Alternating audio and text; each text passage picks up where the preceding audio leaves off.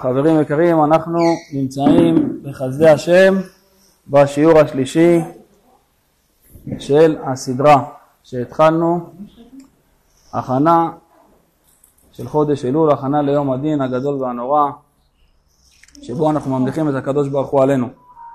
אז uh, ככה, אנחנו התחלנו, אנחנו התחלנו את השיעור הזה בשביל שנהיה מוכנים ליום הדין. חז"ל מגלים לנו שיש שלושה דברים שמעבירים את רוע הגזירה. מה הם? תפילה, תשובה. וצדקה.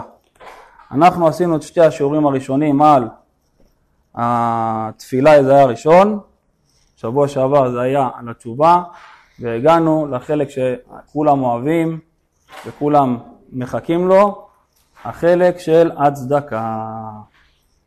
הגענו לחלק של הצדקה המתוק והמעניין. אז בעזרת השם יתברך, בשם השם נעשה ונצליח, ואנחנו גם בעזרת השם את כל הדברי תורה האלה אנחנו נמצאים עכשיו בבית של אביעד וספיר אלמקייס, ואנחנו עושים את כל השיעור הזה גם להצלחת הרך הנולד, שמחר בעזרת השם ייכנס בעיתו בזמנו ויהיה נימול כהוגן וכשורה. ויגדל ויהיה לאיש. וגדלו אותו לחופה, מצוות ומעשים טובים. רפואה ליולדת בעזרת השם. ולאבי הבן ולסנדק, וכל הדברי תורה שנגיד יהיה גם להצלחת הילד ולהצלחתכם בעזרת השם. טוב, אז אה, ככה, כתוב בסימן קכ"ח בשולחן ערוך, דיני חודש אלול. כותב הרב ככה, הארי הקדוש, הרב אדוננו רבי יצחק לוריה, אשכנזי, זכותו תגן עלינו אמן. כתב, ואשר לא צדע, והאלוהים הינה לידו. ושמתי לך, כן, זה פסוק של אה, אדם שרצח בשגגה, אז אומר, אומר הארי הקדוש שראשי תיבות אלול. ראשי תיבות של הפסוק הזה זה אלול. הינה לידו ושמתי לך. זה ראשי תיבות אלול.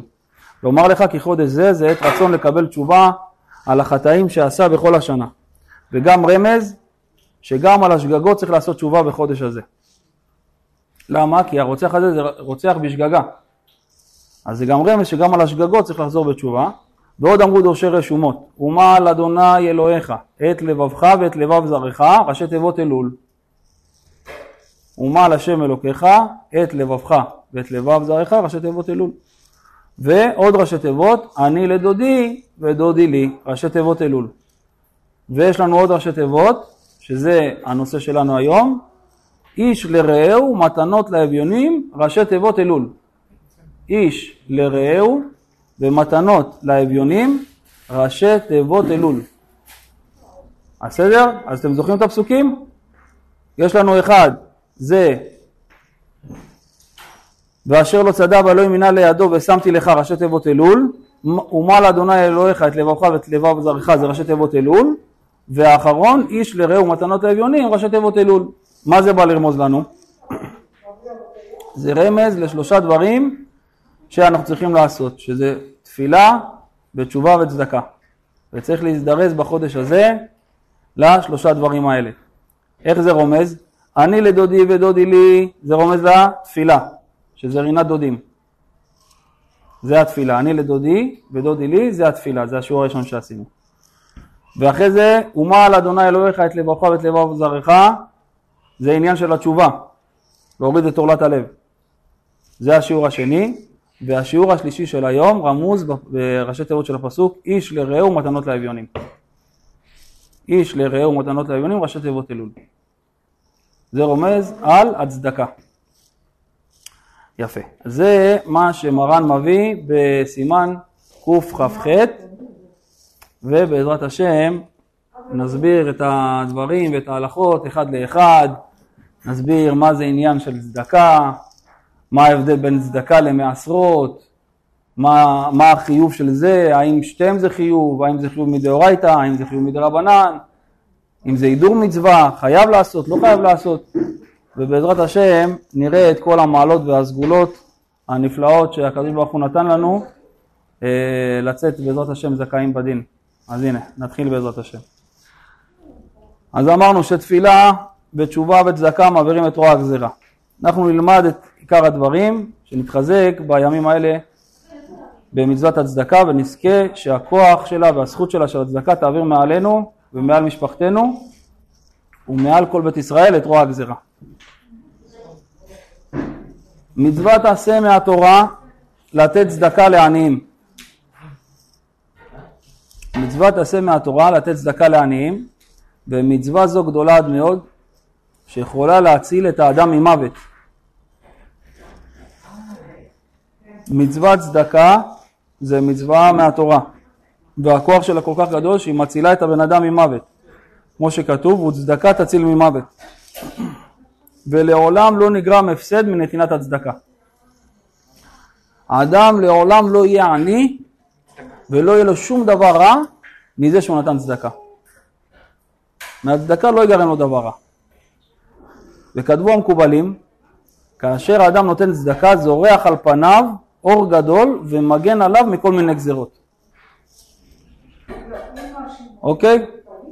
אז הנה, יש פרק בתהילים, פרק ל"ג. אומר, אומר דוד המלך בתהילים, הנה אין השם אל יראיו, למייחלים לחסדו, להציל ממוות נפשם ולחיותם ברעב. כן? אומר לך, אתה יודע מה זה אומר? הנה אין השם אל יראיו, למייחלים לחסדו, להציל מוות נפשם. אם לוקחים את המילה מוות, לא עלינו אף אחד מישראל, ואתה מכניס בה, אז uh, הפסוק אומר ככה, הנה אין אדוני אל יראיו, למחלים לחסדו להציל מוות נפשם ולחיותם ברעב. זה פרק ל"ג בתהילים. מה זה בא לרמוז לנו? אומר לך, המילה מוות, אם אתה מכניס בה את האות עין, איזה מילה אתה מקבל? מעות. מוות, אם אתה מכניס את המילה עין, במילה מוות, יוצא לך המילה מעות. איפה זה רמוז בפסוק? הנה אין השם, מה זה אין השם? העין. העין. אתה רוצה להכניס ממוות, שהמוות יתהפך למעות. שהבן אדם ינצל ממוות. מה הוא צריך לעשות? להכניס את העין. מה זה העין? זה הצדקה. הנה עין, העין הזאת, השם אל יריעיו, למאכלים לחסדו, להציל ממוות נפשם. איך בן אדם ניצל מהמוות? הוא מכניס את העין לתוך המילה מוות, זה יוצא לו מעות. להגיד לך שהמעות מצילות את הבן אדם ממוות. הן הופכות את המוות למעות. מעות זה צדקה? מעות זה צדקה. מעות, הכוונה מעות זה כסף. בן אדם שמכניס את הכסף ונותן, מה קורה בעצם? הוא מכניס את העין לתוך המילה מוות, ואז מה יוצא? להציל ממוות נפשם ולחיותם ברעב. זה רמוז בפסוק הזה. זה פרק ל"ג בתהילים.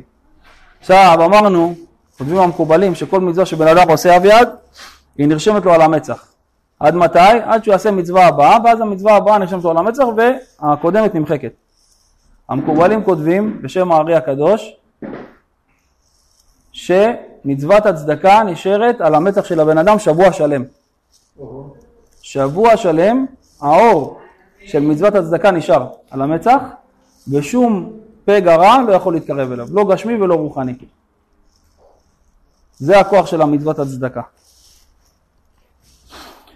אומר הרב, מה הסכום שחייב לתת צדקה כדי לקיים את המצווה הזאת? מה הסכום? אני רוצה עכשיו לקיים מצווה, למדנו שזה מצווה מהתורה לתת צדקה. אז מה הסכום כדי לקיים את זה? התשובה שאין לזה סכום קבוע. למה? העשיר לפי עושרו והעני לפי עוניו. מה הכוונה? סתם דוגמה, לא, סתם דוגמה, בן אדם עכשיו, סתם דוגמה, יכול לתת, אתה תיתן נגיד סתם דוגמה אלף שקל צדקה, ואני אתן אלף שקל צדקה, מה יכול להיות? יכול להיות שלך זה זלזול מצווה, ולי זה מצווה מהמובחר, למה? אתה בן אדם עשיר, ברוך השם, והשם יוסיף לך עוד, אתה מבין? אם אתה תיתן אלף שקל, וההכנסות שלך של חודש זה מיליון פלוס, אז חודש, לתת אלף שקל לחודש זה זלזול מצווה, זה לא לפי ההכנסות שלך. אבל אני, אם אני לא, אין לי, אין לי את ה... אני לא מכניס סכומים גדולים בכל חודש, ואני אתן אלף שקל, אז יהיה לי הידור גדול של המצווה. המצווה הזאת תחשב הרבה יותר, אתה מבין? לכן זה הכל לפי מה? לפי מה שהקדוש ברוך הוא חנן אותך. השם יוסיף לכולם. דהיינו אחד שמצבו דחוק ובכל זאת גייס אלף שקלים ונתן אותנו לצדקה, זה נחשב למצווה גדולה. לעומתו היה עשיר גדול מאוד. לגביו נתינת אלף שקלים נחשבת כזלזול מצווה. שכן זה לא לפי עושרו, בסדר? אז כדי לקיים את המצווה זה צריך לדעת, ובן אדם צריך לבחון בעצמו במה הוא מאורח, על מה הוא יושב, לפי היכולת שלו. עכשיו, למי נותנים את הצדקה? לצערנו יש הרבה רמאיות בעניין הזה של הצדקה, ויש אנשים שמראים את עצמם כעניים ובאמת יש להם הרבה כסף. לכן יש להקפיד לתת הצדקה רק לאנשים שאנחנו מכירים ובטוחים שהם זקוקים לצדקה, והכסף אכן הולך למטרה אמיתית. כגון, כגון קרובי משפחה, שאנחנו יודעים על מצבם הכלכלי, כגון קרובי משפחה שאנחנו יודעים על מצבם הכלכלי הקשה, או לארגוני צדקה וחסד, אבל איזה ארגוני צדקה וחסד, תשימו לב לפרט הזה, שהם פועלים על פי הנחיות של רבנים של גדולי ישראל, כן? לא כל ארגון חסד אפשר לתרום לו. מה הכוונה? רק אם הם הולכים על פי הנחיות של גדולי ישראל. אז אתה יכול להיות רגוע ולתת שם בלב שקט.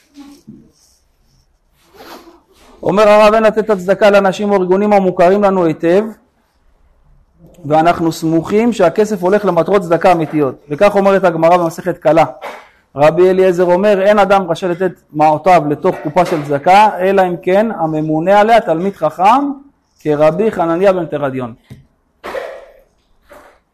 באים, עושים עכשיו איזה ארגון של חסד או של קירוב רחוקים, ואתה לא כל כך יודע מה הולך שם, ואיך הדברים מתחלקים בדיוק, וכמה הולך למזכירות, וכמה הולך להנהלה, וכמה הולך לנהגים, וכמה הולך לזה, ובאמת כמה הולך לתלמידים עצמם. אתה לא יודע איך זה מתחלק בדיוק, כל העוגה הזאת. איזה נתח כל אחד מקבל מהעוגה, של, ה, של הסכום שמצטבר להם. וברגע שאתה לא יודע את הדבר הזה, אסור לך לתת, צריך לדעת מה הנאמנות של מי שעומד מאחורי הארגון הזה, והאם הם כפופים להוראות של גדולי ישראל. פעמים רבות פונה אלינו אדם באמצע החור ומבקש צדקה ואנחנו לא מכירים אותו, מה צריך לעשות במצב כזה? בן אדם אתה עומד עכשיו באוטו, בא אליך בן אדם ומבקש צדקה, מושיט לך יד, מה צריך לעשות? אומר מעיקר הדין, ברגע שיש חשש נאמנות על האיש, לא חייבים לתת צדקה, זה עיקר הדין, אתה לא חייב לתת צדקה. אולם, אם הוא נראה אדם נורמלי, והגון, אז אה, כדאי לתת לו סכום קט, קטן. מה זה סכום קטן? חצי שקל, שקל. בסדר? כדי לא להחזיר אותו ריקם, אבל אין לתת סכום גדול של כסף, אלא רק לאנשים שמוכרים לנו. או לארגוני צדקה שבראשם עומדים רבנים וגדולי ישראל, אוקיי? אז אדם שלא מוכר לנו, אנחנו יכולים מה? לתת חצי שקל בשקל. וגם אם ריחמת ונתת קצת יותר על בן אדם שאתה כל כך מסופק על הזה שלו, אז תדע לך שאתה רק תרוויח. למה?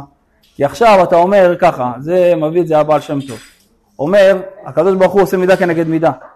אתה אומר, רגע, אולי הבן אדם הזה לא כל כך ראוי לצדקה, אבל בכל זאת, מה? אני אתן לו בכל זאת. אומר הקדוש ברוך הוא, מה? אתה מבקש גם הרבה דברים. אנחנו כל אחד רוצה מהקדוש ברוך הוא הרבה דברים. אז מה עושה הקדוש ברוך הוא? אומר, רגע, אבל אתה גם לא ראוי שאני אתן לך את הדברים האלה.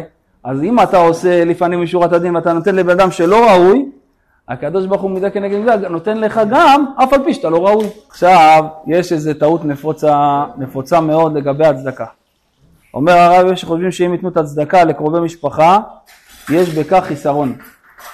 מה אתה אומר? הוא נותן צדקה כל פעם לקרובי משפחה שלו. למה? אני אהיה ביתך קרובי. יפה. אז, אז מה נגיד ככה עכשיו? לכאורה בן אדם יכול להגיד אולי זה פרוטקציה. מה, אני נותן צדקה לבן, לנכד, למישהו שזה, אולי זה, זה לא נחשב, אולי זה מוריד מהערך של המצווה. אז אומר הרב, האמת שההפך זה הנכון. אומרת הגמרא, אמר רב יוסף, נאמר בפסוק, אם כסף תלווה את עמי, את העני עמך. מכאן למדים, ענייך וענייך, ענייך קודמים. אם יש לך עניים במשפחה, הם קודמים לעניים של העיר שלך. עניי עירך ועניי עיר אחרת? עירך קודמים. כלומר שהשם דבר כתב בתורה לגבי מצוות הצדקה והעזרה לנזקקים את המילה עמך. מה זה ללמד אותנו? ללמד גם שכל מי שקרוב אליך יותר, יש לתת לו את הכסף ואת הצדקה ואת העזרה ואת הסיוע. אז מי זה הראשונים?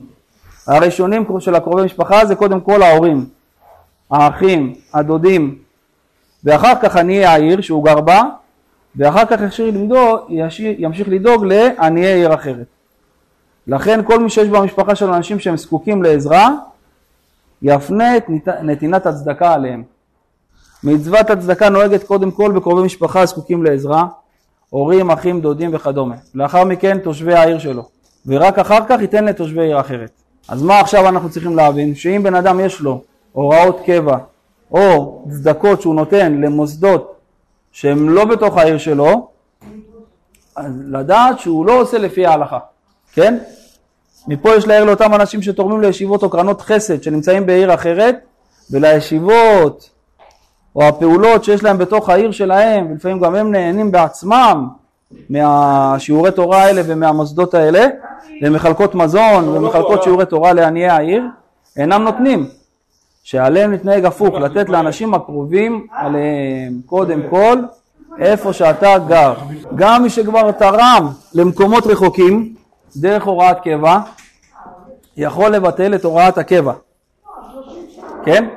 ולחתום הוראה אחרת באותו סכום לעניי עירו, אלא שעליו להודיע לפני כן לאותו המוסד כדי שלא יגרום לו נזק שהוראת החיוב תחזור ויחייבו אותו בעמלה.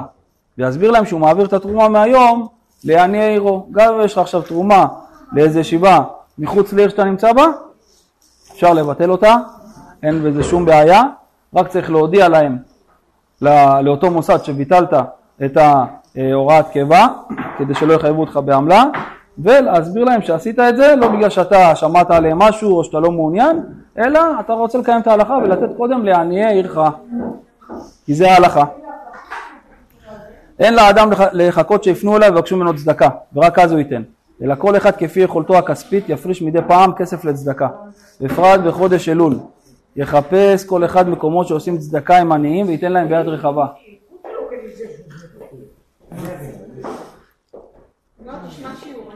כמו שאמר דניאל לנבוכדנצר. מה אמר דניאל הנביא לנבוכדנצר? אמר לו, וחטאתך בצדקה פירוק. מה הכוונה? מה הכוונה וחטאתך בצדקה פירוק? כלומר תכפר על חטאיך בצדקה. דניאל אומר לנבוכדנצר יש עליך עכשיו חטאים, יש עליך מידת הדין, אתה רוצה לכפר את זה תן צדקה. כתוב בספר שאלות ותשובות שנקרא שרידי אש שכדי לכפר על העוונות צריך לצום הרבה. כל עוון, כתוב באריזל, יש לו את הצום שלו. ואיך נעשה? אנחנו הדורות מאוד חלשים, קשה לצום. אז אומר הרב, הדורות שהגוף הוא מאוד חלש, נתינת הצדקה היא העצה הטובה לכפר את העוונות. למה? במקום שאתה תקנה עם הכסף הזה אוכל בשבילך, שאתה נותן אותו צדקה, זה נקרא לך כמו תענית. במקום שתצום כדי לכפר על העוונות, הנתינת צדקה זה במקום התענית שאתה חייב לעשות.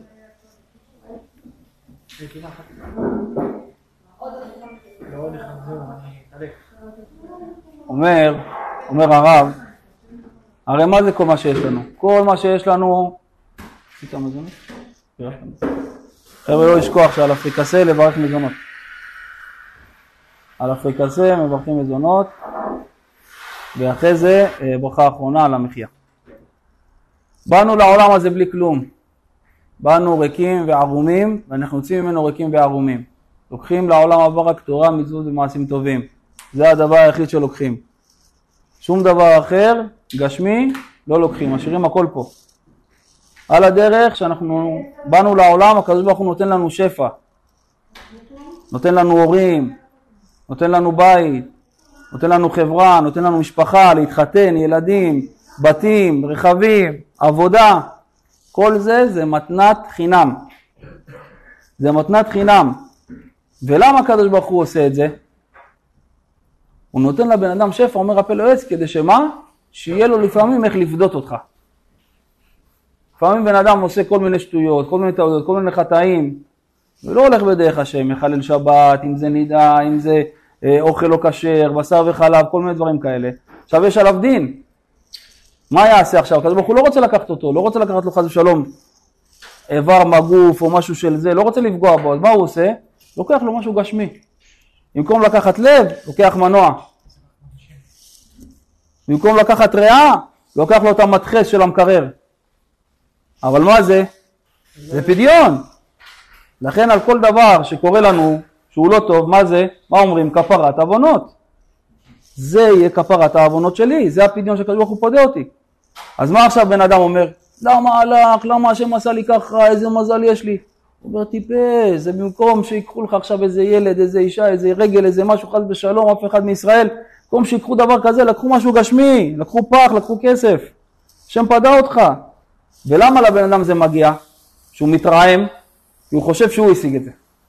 מה, אבל אני עבדתי, אבל אני עשיתי, אבל אני, אבל אני, אני התחכמתי, אני הייתי חכם כדי להשיג את זה. כן, ומי נת, נתן לך את הגוף? מי נתן לך אוויר בריאות? מי נתן לך אפשרות לראות בעיניים? לחשוב ולא להיות שותה. לב שמשחרר 24-7, משחרר, לוקח דם ומשחרר דם לכל האיברים. האוויר בריאות, שהריאות יזוזו ויקררו כמו, אה, כמו גנרטור, כמו רדיאטור את, ה, את הלב, כי הלב הוא תמיד אה, בפעולה והוא מתחמם, כמו המנוע של האוטו. צריך תמיד שיהיה לו מאוורר על המנוע, נכון? אם לא, עולה חום מנוע. מה מקרר לנו את הלב? כנפי ריאה. עושים נשיבות. מה זה? יש שם איזה כבל, יש שם איזה בלוטוס אביעד. מי אומר להם לזוז, אביעד? מי אומר להם לזוז? איך הם זזים ככה תמיד, בלי הפסקה? אין איזה כנף אחד שפעם יהיה לה איזה, תיתקל או איזה משהו לא טוב או שהיא תיהרס.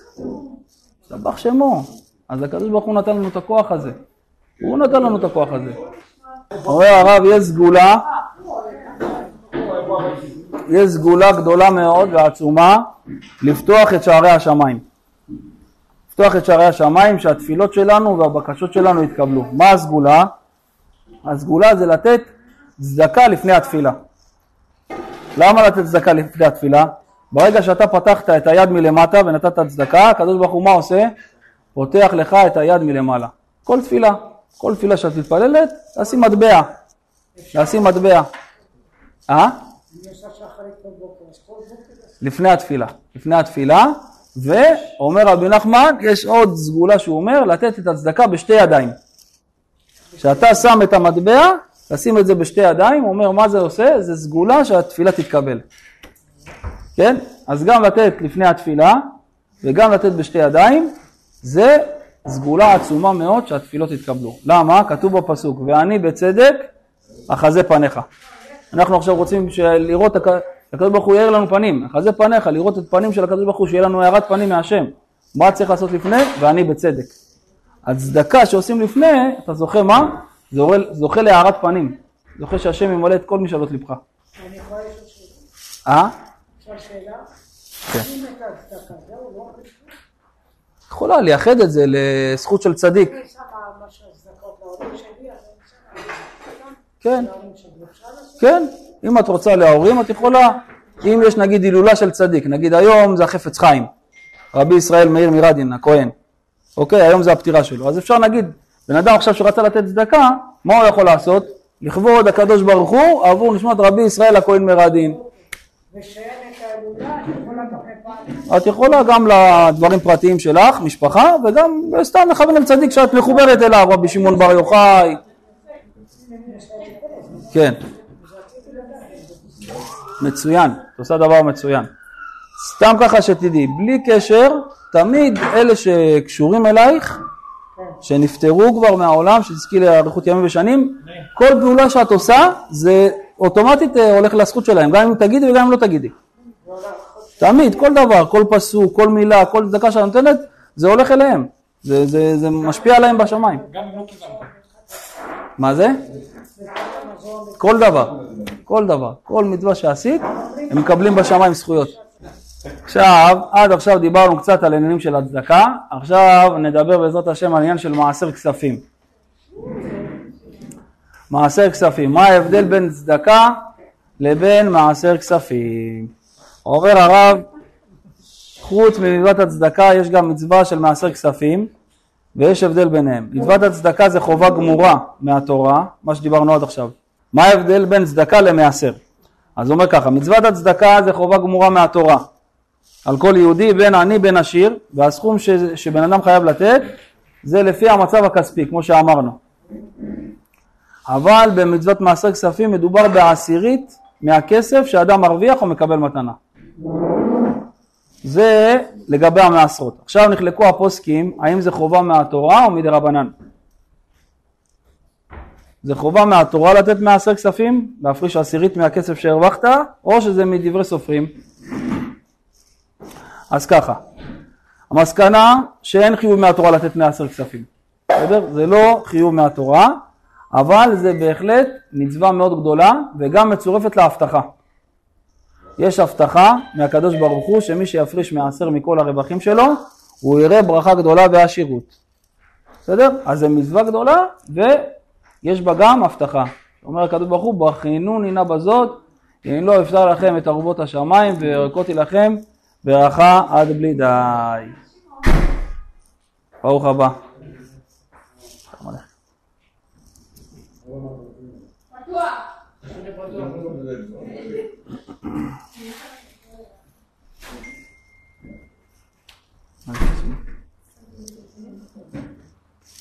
טוב, מי שמפריש מעשר כספים, האם צריך להפריש מכל הסכום של המשכורת או אחרי שהוא מנקה את ההוצאות של הבית שלו? מה אתה אומר? אה? שאלה. המעשר של הכספים, שי. מעשר של הכספים. נותנים אותו, את ה-10 אחוז, ישר מהמשכורת או אחרי שהוצאת את כל ההוצאות של הבית ואז אתה נותן את ה-10 אחוז? מעיקר הדין זה אחרי ההוצאות? קודם כל למדנו שמעיקר הדין אין פה מעיקר הדין, אין פה חיוב. זה מנהג וזה מצווה גדולה ויש בזה הבטחה מהקדוש ברוך הוא, שמי שיעשר יתעשר. יפה. אז הרב מחלק. אז הרב מחלק. בוא תראה מה החילוק של הרב. הרב מחלק ככה. אם המצב הכלכלי שלך טוב, אז תעשה את המעשר לפני שהוצאת, שנתת, לפני שהוצאת על הוצאות הבית. בסדר? לפני החשמל, המים, הארנונה, המשכנתה, כל הדברים האלה, תן את זה לפני. אם המצב דחוק, תוציא קודם כל את ההוצאות של הבית, מה שנשאר לך תפריש 10%. גם בחתונה. אה? אדם מתחתן. כן. נגיד 200 אלף, הוא ייתן מעשר לפני ההוצאות של האולם וכל הזה. אז עוד פעם, זה תלוי במה שאמרנו. זה תלוי במה שאמרנו, המצב דחוק או לא דחוק. זה האינדיקציה. האם מותר לעשות, חברים, האם מותר לעשות מעשר כספים עם הכסף של מעשר, כספים לתת את זה בתור צדקה לעניים? או לעשות מצוות שהוא לא חייב בהם עיקר הדין, מתנדב לעשות אותם. האם מותר לעשות את זה מהמעשרות? לפעמים אומרים אפשר לתת ממעשר, יש אנשים שאומרים בבית כנסת. נגיד סתם דוגמה. לדוגמה אין אפשרות לקנות מכסף מעשרות לא תפילין ולא מזוזות ולא סוכה, כן? למה? כי האדם חייב בהם עיקר הדין. אבל רשאי להוסיף מכסף מעשרות כדי לקנות תפילין או מזוזות מהודרות יותר. נגיד סתם דוגמה, מזוזה פשוטה זה עולה 100, מזוזה מהודרת עולה 250. אז 100 אתה צריך לשלם מהכסף שלך הרגיל. עכשיו אתה רוצה מהודרת, אתה יכול לקחת מעשרות 150 ולהוסיף את זה, על ההידור. ברוך הבא עדי. ברוך השם. ורשאי גם לקנות ספרי קודש, אבל מה? צריך לעשות תנאי. מה התנאי? הוא צריך לרשום על הספרי קודש שהוא קונה מהכספי מעשר, הוא צריך לרשום ככה: נקנה מכספי מעשר וכל מי שיהיה מעוניין, כל מי שמעוניין אה, לקחת אותם ממני וללמוד בהם ואחרי זה להחזיר, יכול לעשות את זה. כן? אתה צריך להודיע לאנשים שיש לך את הספרים האלה והאלה, את הסדרה הזאת והזאת, או את הסט הזה והזה, וזה מכספי מעשר, ואם מישהו צריך ללמוד, הוא יכול ללמוד בזה. זה אם קונים את זה מכספי מעשר.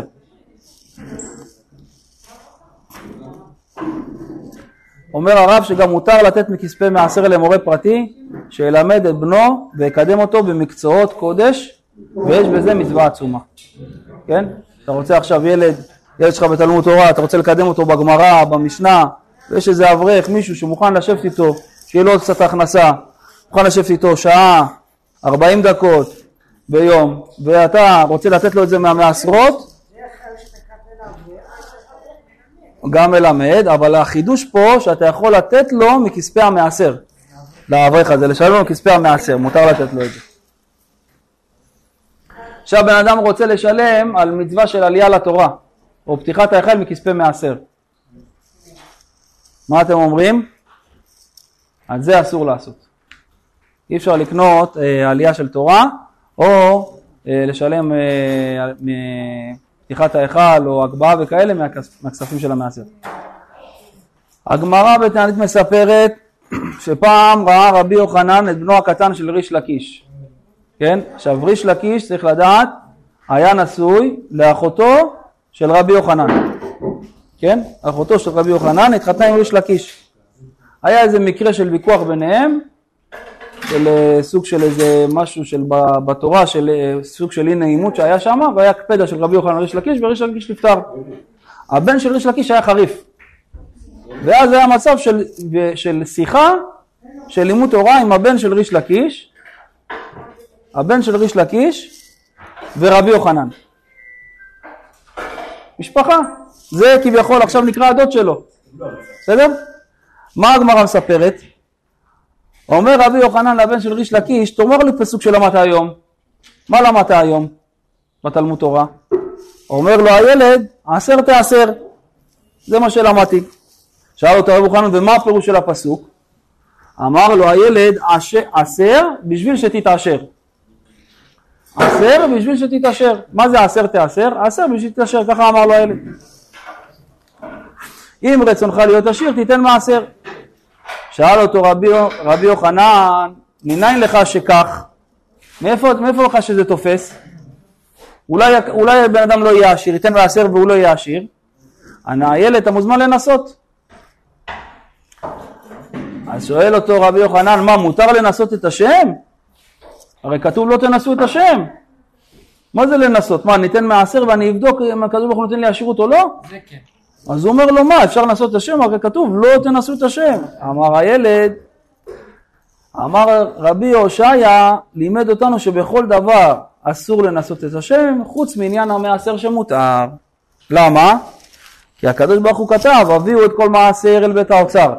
ויהי טרף בביתי, ובחנוני נא בזאת, אמר השם צבאות, אם לא אפתח לכם את ארובות השמיים, והריקות יילחם ברכה עד בלי די. מה הקדוש ברוך הוא אמר? בחנוני נא בזאת. לגבי המעשרות, אם אתה רוצה עכשיו לבדוק אותי, אתה יכול. אומר הקדוש ברוך הוא, בזה אני מסכים לך. אומר הרב, אפשר לפתוח תוכנית חיסכון ולשמור שם את כספי המעשר עבור חתונה של בניו ובנותיו בעתיד. גם מכספי מעשר? כן, לפתוח קופת חיסכון ואת הכספי מעשר להכניס לקופת חיסכון כדי לחתן את הבנים ואת הבנות שלו. כן, כשההורים מקבלים, הם פותחים קופת חיסכון בשביל הילדים. ואדרבה עדיף לעשות כך מאשר לפזר את כספי המעשר לאחרים ובסוף לבקש צדקה לחתונת בניו ובנותיו מקרנות חסד. אולם לא ישים את כל המעשר אלא ייתן גם לאחרים.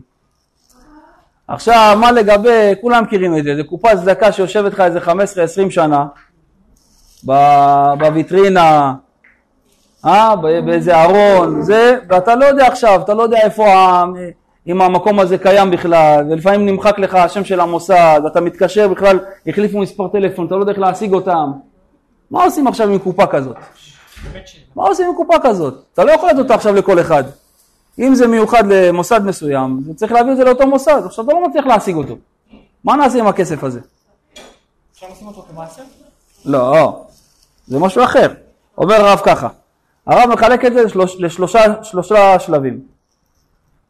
אומר ככה, במקרה הראשון, מקרה כזה צריך לעשות שלוש שלבים. ינסו בכל צורה למצוא את הדרך להעביר את הכסף לאותו מוסד שהקופה שייכת לו. אם הוא לא מצא, ילך לרב שיעשה לו התרה. צריך לעשות התרת נדרים. על כך שהוא נתן כסף בנדר לצדקה, ואז יוכל לתת את זה למוסד אחר. אם הוא הלך לרב ועשו לו התרת נדרים, הוא יכול לתת את זה למוסד אחר את הכסף הזה. ודבר שלישי, יקפיד שמהיום לשים קופה שלא שייכת לאף מוסד. לאף מוסד, קופת צדקה ניטרלית, מעץ, כלום, לא כתוב עליה שום דבר. אתה הולך לבית חב"ד, לחליבה, לכל המקומות האלה, קונה קופת צדקה. רגע, סליחה, הגיוני. היא לא, היא לא מחויבת לאף אחד. לא, אבל הקופה הזאת, מה הוא עושה? סליחה, לא הקשבתי. זאתי? אז אמרנו, אם הוא לא הצליח להשיג את המוסד, הוא הולך לרב, הוא עושה התרת נדרים, ואז הוא יכול לתת את זה לאיזה מוסד שהוא רוצה. אבל מעכשיו יקנה קופה בלי. בלי שום, של, שום שם של מוסד, ואז מה הוא יכול לעשות? מה שהוא רוצה. מה שהוא רוצה הוא יכול לעשות עם הקופה הזאת. יבוא לו עני בדלת, יכול לתת לו. בסדר? רוצה לתת את זה לבית כנסת שלה מתחת לבית שלו, ייתן. רוצה בית כנסת אחר, יכול לתת. אבל אם יש לי קופות בעסק ששמו אצלי ואני יכול זה אתה יודע. זה, מה, מה, אם יש לך... לא, אז אתה, ברגע שאתה החלטת שאתה מוכן לה- להניח את זה אצלך, לא, עוד פעם, תקשיב, אביעד, אם שמו לך עכשיו אה, אה, קופת צדקה של, נגיד, של, של הכולל שלנו, או, או כל מוסד אחר, ואתה הסכמת שזה יהיה שם, הכסף שם חייב להגיע לאותו מקום שכתוב. הגיע רק לאותו מקום. זהו. אם הוא לא בא לקחת, זה לא אשמתי. לא, אז אתה בסדר, יש טלפון בדרך כלל, תנסה להשיג אותו, הצלחת להשיג אותו, הצלחת, לא הצלחת, אז צריך לעשות התרה. בסדר? אז ככה, נהגו ישראל קדושים, אנחנו מתקרבים ליום הדין. ללכת ביום ערב ראש השנה לבית העלמין, שזה נופל השנה ביום שישי, כן? ללכת לבית העלמין, לבקש רחמים מהשם, יתברך על קברות הצדיקים. ללכת של, לדברים של צדיקים, ביום של ראש השנה? לא. ערב ראש השנה זה יוצא יום שישי, לפני, ש, לפני שראש השנה נכנס. כי מתי שנכנס השבת, נכנס גם ראש השנה, אז צריך לעשות את זה ביום שישי בבוקר.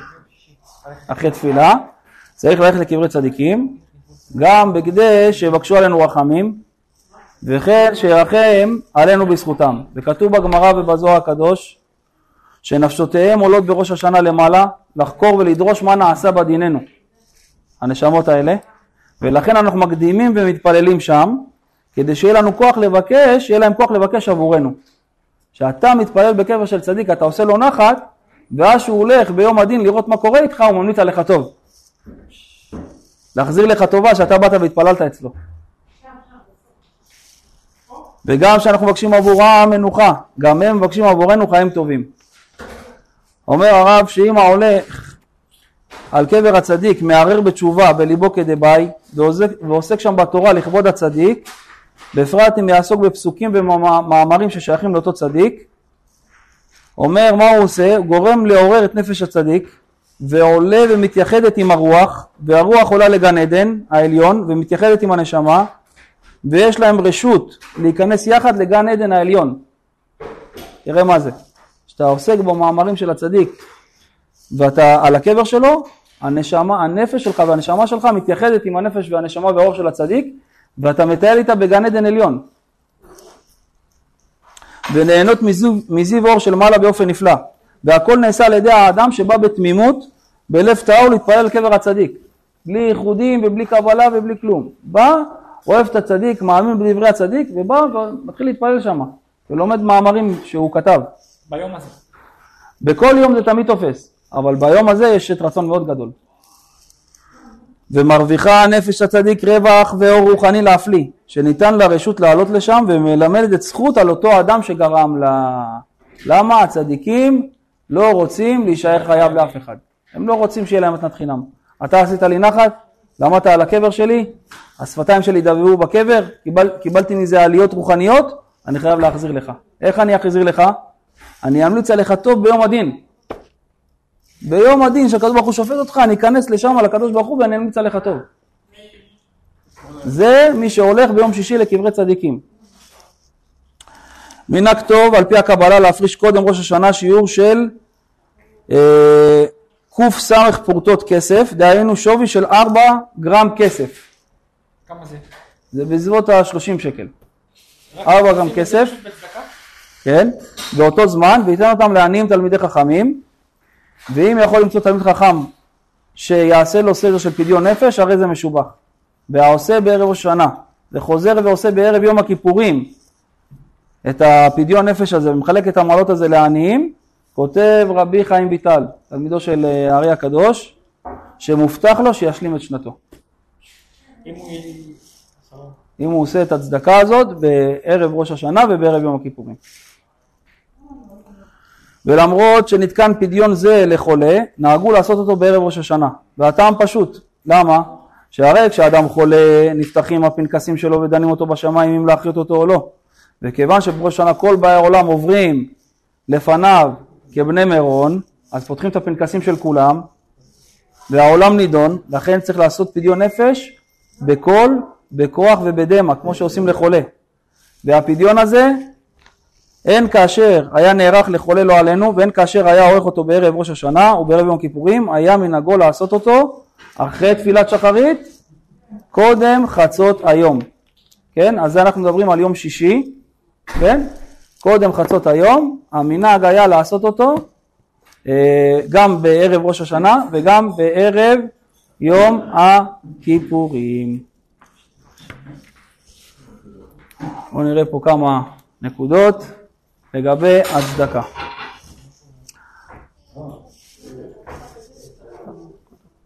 אומר הרב, מצוות הצדקה, מצווה מן התורה לתת צדקה כפי הישג ידו, ומאוד צריך האדם להיזהר במצווה יקרה זאת, יותר מכל מצוות האמורות בתורה. ואף על פי שמצוות צדקה היא מצווה מן התורה, אין מברכים על קיומה. למה לא מברכים על מצוות צדקה? ברוך הבא קובי. קובי קוראים לו, נכון? אה, עכשיו הוא רציני, קיבל תפקיד עכשיו נהיה רציני, דיסטנס. שלום הרב. טוב, למה לא מברכים על צדקה? בוא נברך לפני שנותנים צדקה, אשר קידשנו וציוונו על נתינת צדקה. זאת אומרת, אתה יודע למה לא מברכים? אחד הטעמים שיכול להיות שאותו אחד שאתה רוצה לתת לו, הוא לא רוצה לקבל ממך. ואתה כבר מה עשית? הוצאת השם השם לבטלה אם הוא לא קיבל ממך. לכן כל מצווה שהיא תלויה במישהו אחר, הסוף שלה תלוי במישהו אחר, אתה לא יכול לברך עליה. כי אם הוא עכשיו יביא לך ברקס והוא לא רוצה לקחת, יצא שמה? הוצאת השם השם לבטלה, אז אתה לא יכול לברך על זה. בסדר? כל המעלים עיניו מן הצדקה עובר בכמה איסורים מהתורה ונקרא בליעל והרי הוא כאילו עובד עבודה זרה. ובנוסף לכך אדם שאינו חס על עניים אינו נקרא בשם אדם אלא בהמה והוא יותר גרוע מן הגזלן ועל כן צריך להיזהר מאוד שלא לבטל מצווה יקרה זו. כל המתעלם מן העניים ולא נותן צדקה הרי זה כמי שנכשל בעוון גילוי עריות רחמנא ליצלן ומי שמזדרז לתת צדקה הוא ניצול בזכות זה מעץ הערה של עריות. מסביר רבי נחמן מה העניין? למה? כי יש תורה בליקוטי מרן, הוא מסביר ככה. הוא אומר ברגע שבן אדם נותן צדקה, אז מה הוא עשה? הוא מרחם על הבריות. וכל המרחם על הבריות, מרחמים עליו מן השמיים. אבל חז"ל כתבו במקום אחר, שאדם שאין לו דעת, אסור לרחם עליו. אדם שאין לו דעת, אסור לרחם עליו. מה זה אין לו דעת? שותה, עושה שטויות. שנייה. שותה, עושה שטויות, יש לו רוח שטות. אין אדם עושה, אין אדם עושה עבירה, אלא אם כן נכנס ברוח שטות. אז אדם שיש בו רוח שטות, אז אין בו דעת. אז עכשיו מה קרה? הוא נתן צדקה, מצד שני יש בו רוח שטות, הוא עושה עבירות, אבל משמיים צריך לרחם עליו. ואסור לרחם עליו, כי גם השמיים מקיימים את התורה. אומר רבי נחמן, מה הקדוש ברוך הוא עושה? הוא מחויב לתת לו דעת, הוא נותן לו דעת, ממילא מסתלקת הרוח שטות, ואז מה? ואז הוא מרחם עליו. ממשיך עליו שפע. ואז יוצא שמה הוא ניצל? הוא ניצל מהיצר הרע. הוא ניצל מהיצר הרע, במיוחד היצר הרע של עריות. אני המבקש צדקה, צדקה כדי לקנות מזון. יש להזדרז לתת לו אוכל או כסף במהירות. מפני שעלול העני להגיע על ידי פיקוח נפש, אם לא יקדים לתת לו אוכל בהקדם האפשרי, וכל מי שלא מזדרז לעזור לאותו עני, הרי הוא כשופך דמים. לעולם אין אדם נעשה עני מן הצדקה, וגם לא ייגע לנו שום דבר רע או נזק כשנתן ממונו לעניים. כפי שנאמר בספר ישעיה, והיה מעשה צדקה שלום.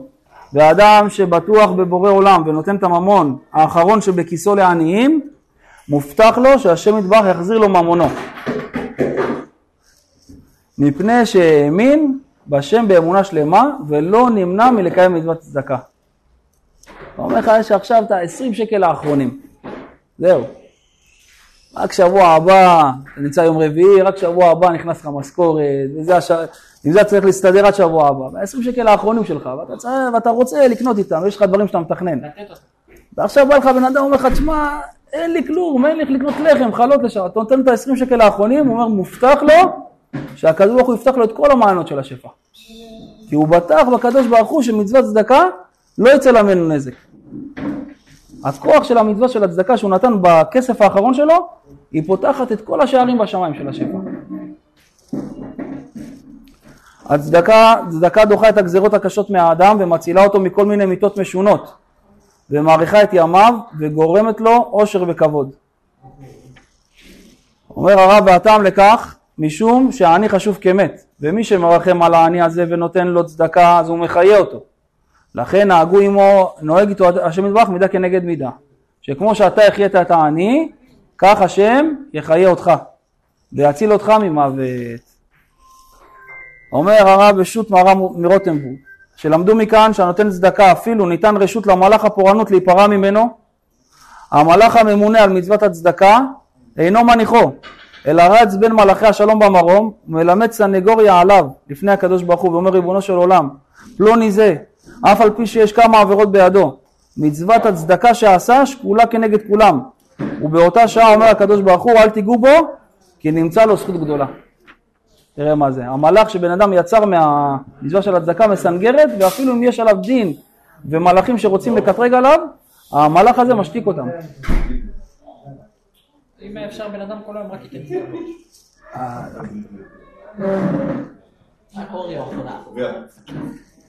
טוב, הגמרא מספרת שהלל פעם אחת, ברוך הבא. ברוך הבא, ברוך הבא. הגמרא מספרת שהלל פעם אחת בא בדרך ונכנס לעיר שלו. ואז הוא שמע קול של אה, צעקה, צרחה. מה אמר הלל הזקן? "מובטח- מובטחני שזה לא מהבית שלי, הצעקה הזאת. מובטחני שזה לא מהבית שלי. מאיפה כל כך היה בטוח הלל הזקן שזה לא מהבית שלו? הרב מביא פה הסבר כזה. אומר הכתוב בתהילים, משמוע רעה לא ירא, נכון ליבו בטוח בשם. אומר הרב ככה, שהלל היה בטוח בכך מפני שהוא היה בעל צדקה. וגדולה צדקה שדוחה את הגזרות הקשות והרעות, כי הגזרות הקשות בא, באות מחמת העבירות. וכיוון שעל ידי הצדקה שנעשית בסתר יתוקנו העבירות, ממילא מתבטלות הגזרות הקשות. לכן היה בטוח הלל זקן בגלל שהוא מחזיק במצוות הצדקה, שהצעקה הזאת והצווחה שהוא שמע זה לא מהבית שלו. כי ההצדקה הזאת בטוח ת, מגנה ותגן גם על הבית שלו, שמהבית שלו לא יבואו צעקות כאלה של אסונות חס ושלום. הצדקה מאירה את נשמתו של האדם במשך כל ימות השבוע ומצילה אותו מדין גיהנום הקשה והנורא. מי שלא זכה לפרי בטן ומתעסק בעשיית צדקה וגנות חסדים יזכה בזכות זה לבנים חכמים ועשירים ואם אשתו הייתה מפילה נפלים חס ושלום לא עליכם אף אחד מישראל בזכות הצדקה שנותן בעלה תפסיק האישה להפיל ויזכו לזרע של קיימא. מי שבניו לא הולכים בדרך התשובה והוא רוצה שהם יחזרו בתשובה מה יעשה?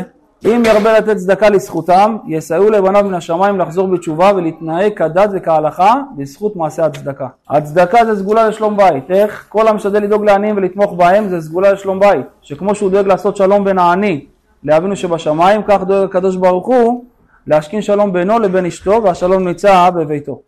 אבל כל המעלים עיניו מן הצדקה עלול לגרום לעצמו שיהיה לו הפרעות ובעיות בשלום בית חלילה ועל כן מותר לכל אדם לדאוג לעניים כפי יכולתו בפרט לפני החגים ומועדי ישראל. מי שנודע לו שאחד ממקורביו נמצא במצב כלכלי דחוק, אחד מהמקורבים, אמרנו הכי טוב קודם כל מהמקורבים קודם לתת, אם המצב שלו דחוק. אז אם נודע לך שאחד מהמקורבים חס ושלום נמצא במצב דחוק ואותו קרוב הוא בן תורה, מוטל עליו לעזור לו ולתמוך בו. ואפילו אם על ידי כך יצטרך למעט או להפסיק לתת צדקה למוסדות של תורה וחסד שהוחזקו על, ידי, על ידו במשך שנים רבות. מפני שעניי ביתו קודמים לעניים אחרים. היה לך עכשיו איזה הוראת קבע שהיית קבוע נותן לאיזה מוסד מסוים ואתה יודע שיש לך עכשיו מישהו מתוך הבית שלך שהוא זקוק לעזרה, צריך לבטל שמה ולתת לו. כל שכן שהוא בן תורה. הנותן צדקה לעני צריך את זה בסבר פנים יפות ובשמחה וטוב לבב וישתף את העני בצערו וידבר עמו דברים של תנחומים ויעודד את רוחו. כל המרחם על העניים הקדוש ברוך הוא מרחם עליו ויחשוב אדם בליבו שכמו שהוא מבקש מהשם יתברך בכל שעה שייתן לו פרנסה ומחיה ורוצה שישמע תפילתו ויפרנס אותו בכבוד כך ישמע גם הוא שבת העניים וייתן להם צדקה בעין יפה כפי כוחו. האדם שלא יכול לעסוק בתורה מפני שהוא לא יודע ללמוד מפני שיש לו טרדות רבות בפרנסה וכיוצא בזה יחזיק ויתמוך בתלמידי חכמים מכספו ויחשב לו כאילו למד תורה בעצמו כן? זה נקרא מה? להחזיק יש להחזיק ויש לתמוך. לתמוך זה לתת צדקה לתלמיד חכם, ולהחזיק. ולהחזיק זה להחזיק, יש הבדל עצום. מה ההבדל בין לתמוך לבין להחזיק? מה ההבדל אביעד בין לתמוך ובין תורה ואז זוכים מה של הסכם יששכר וזבולון וזוכה לחצי חצי, הכוונה לשכר מלא של אה, מצוות לימוד התורה שלו, כן, הזכות של הלימוד התורה שלו היא נחשבת לו בשמיים במלואה, זה שמחזיק אותו, וגם בשמיים ילמדו אותו את כל מה שהוא למד, אותו בן תורה שהוא החזיק אותו. אז מה ההבדל בין להחזיק ללתמוך? אומר עכשיו, סתם דוגמה, יש בן אדם, לא עליכם, עבר תאונה. הרגליים שלו משותקות. אז יש עכשיו בן אדם אחד מתקשר אליו, אומר לו, תשמע אח שלי היקר, שמעתי שאתה ככה בבית וזה, ואתה צריך אה, אה, קביים, אני אסע בשבילך, אני אביא לך קביים מיד שרה. בסדר? הלך, הביא לו, עשה איתו חסד, הביא קביים מיד שרה, הביא את זה לבית של אותו חבר. ואז מה? הוא נתמך, בסדר?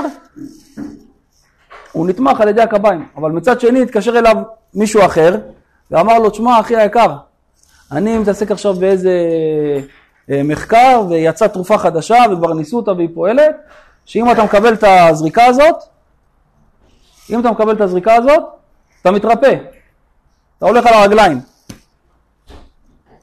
וזה עליי, אני נותן לך את זה, תרומה ממני. והוא עושה לו את הזריקה הזאת. הוא אומר, זה ההבדל בין מה? בין, בין מחזיק לבין תומך. אדם שתומך, דבר טוב, זה מבורך, זכות התורה תגן בעדו. אבל מה זה? זה כמו הקביים. אבל אדם שמחזיק, מחזיק את הבן תורה זה כבר יששכר וזבולון. זה כבר מה? זה כבר כמו הזריקה ש- שמרפאה לגמרי. למה? הבן אדם יכול להיות רגוע לגמרי, הראש שלו פנוי רק ללימוד התורה. זה הבדל עצום. לכן גם מה? הוא מתחלק איתו שווה בשווה בזכות של התורה. הכוונה שהוא, בן תורה מקבל 100% ואותו אחד שמחזיק אותו מקבל 100%. אומר הרב יכול להתנות עם חברו או קרובו שיעסוק בתורה והוא ידאג לפרנס אותו ואת בני ביתו ושניהם יחלקו שווה בשווה ברווחים ובתורה ואף על פי כן לא יחסר לחכם כלום משכר לימודו. למה? אולם כל זה דווקא אם עשה תנאי עם התלמיד חכם שכל מה שילמד מכאן ולהבא יחלקו ביניהם שווה בשווה אבל מה שלמד התלמיד חכם עד כה שייך אך ורק לו ולא לזה שרוצה לתמוך בו ואפילו אם ירצה לשלם עבורו מה שלמד כדי שיהיה לו חלק בכך אין זה מועיל אז מה שאנחנו אומרים לגבי יששכר וזבולון זה דווקא אם מחלק לחכם את משכורתו שווה בשווה כפי שעשו יששכר וזבולון שכר וזבולון זה לא, אתה לא יכול להחליט איזה סכום שאתה רוצה, לתת את זה ואתה מתקבל חצי חצי בתורה של, ה, של, הזה, של אותו תלמיד חכם. אלא מה? זה חייב להיות חצי מהמשכורת. חצי מהמשכורת. חצי מהמשכורת צריכה ללכת לתלמיד חכם, ואז אתה מקבל אה, את הזכות של התורה. אבל אם אין כאילו, זה מה שמחזיק אותו, לא חייב חצי משכורת, יש משהו שמחזיק אותו ספציפי. יששכר וזבולון זה חצי וחצי. כמה הרווחת, חצי אתה מפריש לו, אתה מקבל את הזכות של התורה שלו. אם עכשיו אני מרוויח חמש שבע, אני בן ארבע אחד פעם חמש מאות ועוד שם שבע ילדים, זה לא מספיק. לא מספיק לו? בסדר, אבל בכל זאת, אם הוא, היה מוכן לחתום איתך על החוזה הזה, זה חוזה ממש. חותמים על זה עם עדים, עם הכל. זה מספיק, זה, זה ייחשב לך. וואלה, שווה לעשות את זה. כאילו, לא, קודם כל שווה ללמוד את התורה, התורה זה סם החיים. אבל אדם שכאילו הוא עסוק בטרדות העולם ואין לו זמן, שווה. בטח שווה. קונה. את העולם הבא שלו. לא רק, לעולם הזה גם. גם העולם הזה וגם העולם הבא. הזכות של התורה מגנה עליו, בעולם הזה, בעולם הבא. וכל התורה שהוא למד, אותו דבר, בשמיים מלמדים את אותו בן אדם שהחזיק אותו. והשם היה מוכן ככה לדבר הזה. בטח, הנה, זה, מהתורה, זה היה בתורה. הסכם יששכר וזולום, זה ההלכות שאנחנו לומדים עכשיו.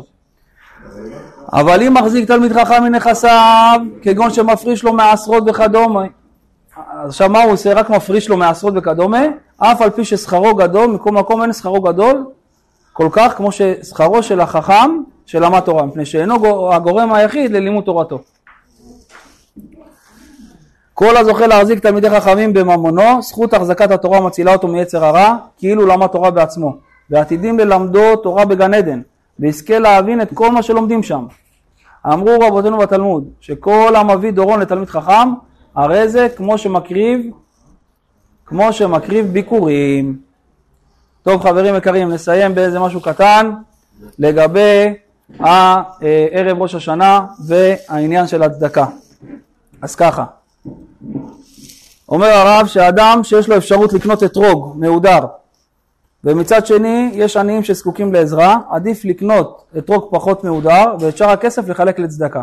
ומכל מקום ברור שאם יש לו אפשרות לקנות אתרוג מהודר וגם לחלק לצדקה יעשה את שניהם. עכשיו נסביר איזה משהו קטן שבעזרת השם אנחנו מתקרבים אליו בחסדי השם יתברך. בעזרת השם אנחנו בחמישי הקרוב, אם ירצה השם נהיה באומן, יום חמישי זה הטיסה שלנו, ונגיד איזה משהו קטן שנראה את המעלה בעזרת השם. לעניין העלמת האור הגדול והנפלא של רבי נחמן, זכותו תגן עלינו אמן. אשר חידוש כאמור עדיין לא היה אפילו בדורות הקודמים, כאשר נשמע מפיו הקדוש שאמר כן, בפירוש, ולסוף הוא נעלם כל כך בתכלית העלמה והכיסוי, עד אשר רוב העולם אינם זוכים לבוא על קברו הקדוש. אשר כל זה, זה כל תיקונם לנצח. יש למצוא רמז על זה מדבריו הקדושים, שאמר כי כל עיסוקו הוא ראש השנה. ועל ראש השנה כתוב בכסל יום חגנו. כמו שדרשו חז"ל, שזה יום שהירח מכוסה בו. ועל כן אורו הגדול והנפלא נעלם ומכוסה כל כך, גם כן מאוד, עד שכל בני העולם אינם זוכים לבוא על קברו להתפלל שם. כמו שאמרו חז"ל, מפני מה נסתתר קברו של משה רבנו מן העולם? נמצא כי לא ידע איש את גבורתו של משה למען לא יכלו לבוא על קברו להתפלל שם. וכן האדמו"ר, רבי נחמן, זכותו תגן עלינו אמן, נסתתר גם כן מן העולם על ידי גודל המחלוקת, ואף שיודעים מקום גבורתו, למען לא יוכלו גם כן לבוא לשם להתפלל לשם. יהי רצון שתתגלה האמת בעולם בעזרת השם, ויתפרסם קדושתו בעולם, ואז תבוא הגאולה במהרה. אז אנחנו בערב השנה צריך לתת, אמרנו, פדיון יפה, לתת לצדקה סכום של פדיון, גם בשביל עצמו וגם בני משפחתו. ובוודאי שראוי אם יש באפשרותו לתת פדיון לאדם גדול שיש בו דעת תורה ובאמת ירא שמיים אמיתי ומאמין בהשגחה פרטית כראוי, בלי שום חוכמות וחקירות, כי רק אדם כזה נקרא אדם גדול. ומי שמעוניין לעשות פדיון נפש בערב ראש השנה על הציון של רבנו, שרבנו אמר שלהגיע אליו ב... על הציון ולעשות שם תיקון הכלל, לתת פרוטה לצדקה לזכותו, במיוחד בערב ראש השנה ששם ראוי לתת על פדיון הנפש, אז בעזרת השם, אחרי שאנחנו נקרא שם את התיקון הכללי, אנחנו נזכיר שם את כל השמות של מי שירצה, תנו לנו את השמות עם השמות של האימא, ובעזרת השם נזכיר אותם גם, נעשה את הפדיון כמו שצריך, את הנוסח שרבנו אמר של הפדיון, וגם נזכיר את כל השמות בערב ראש שנה על הציון של רבנו, שראינו מה זה כל המעלה שנמצאים בקברות של הצדיקים בערב ראש השנה, במיוחד של צדיק כזה שהוא מסנגר, והבטיח הבטחות עצומות, ובעזרת השם נזכה לשנים רבות נעימות וטובות, לשנה טובה ומתוקה, ונזכה שכל הברכות שבתורה יתקיימו בנו, ונזכה בעזרת השם לגאולה שלמה במהרה בימינו, להצלחת הוולד, דרך הנולד, שמחר יהיה ממול כהוגן וכשורה, רפואה ליולדת.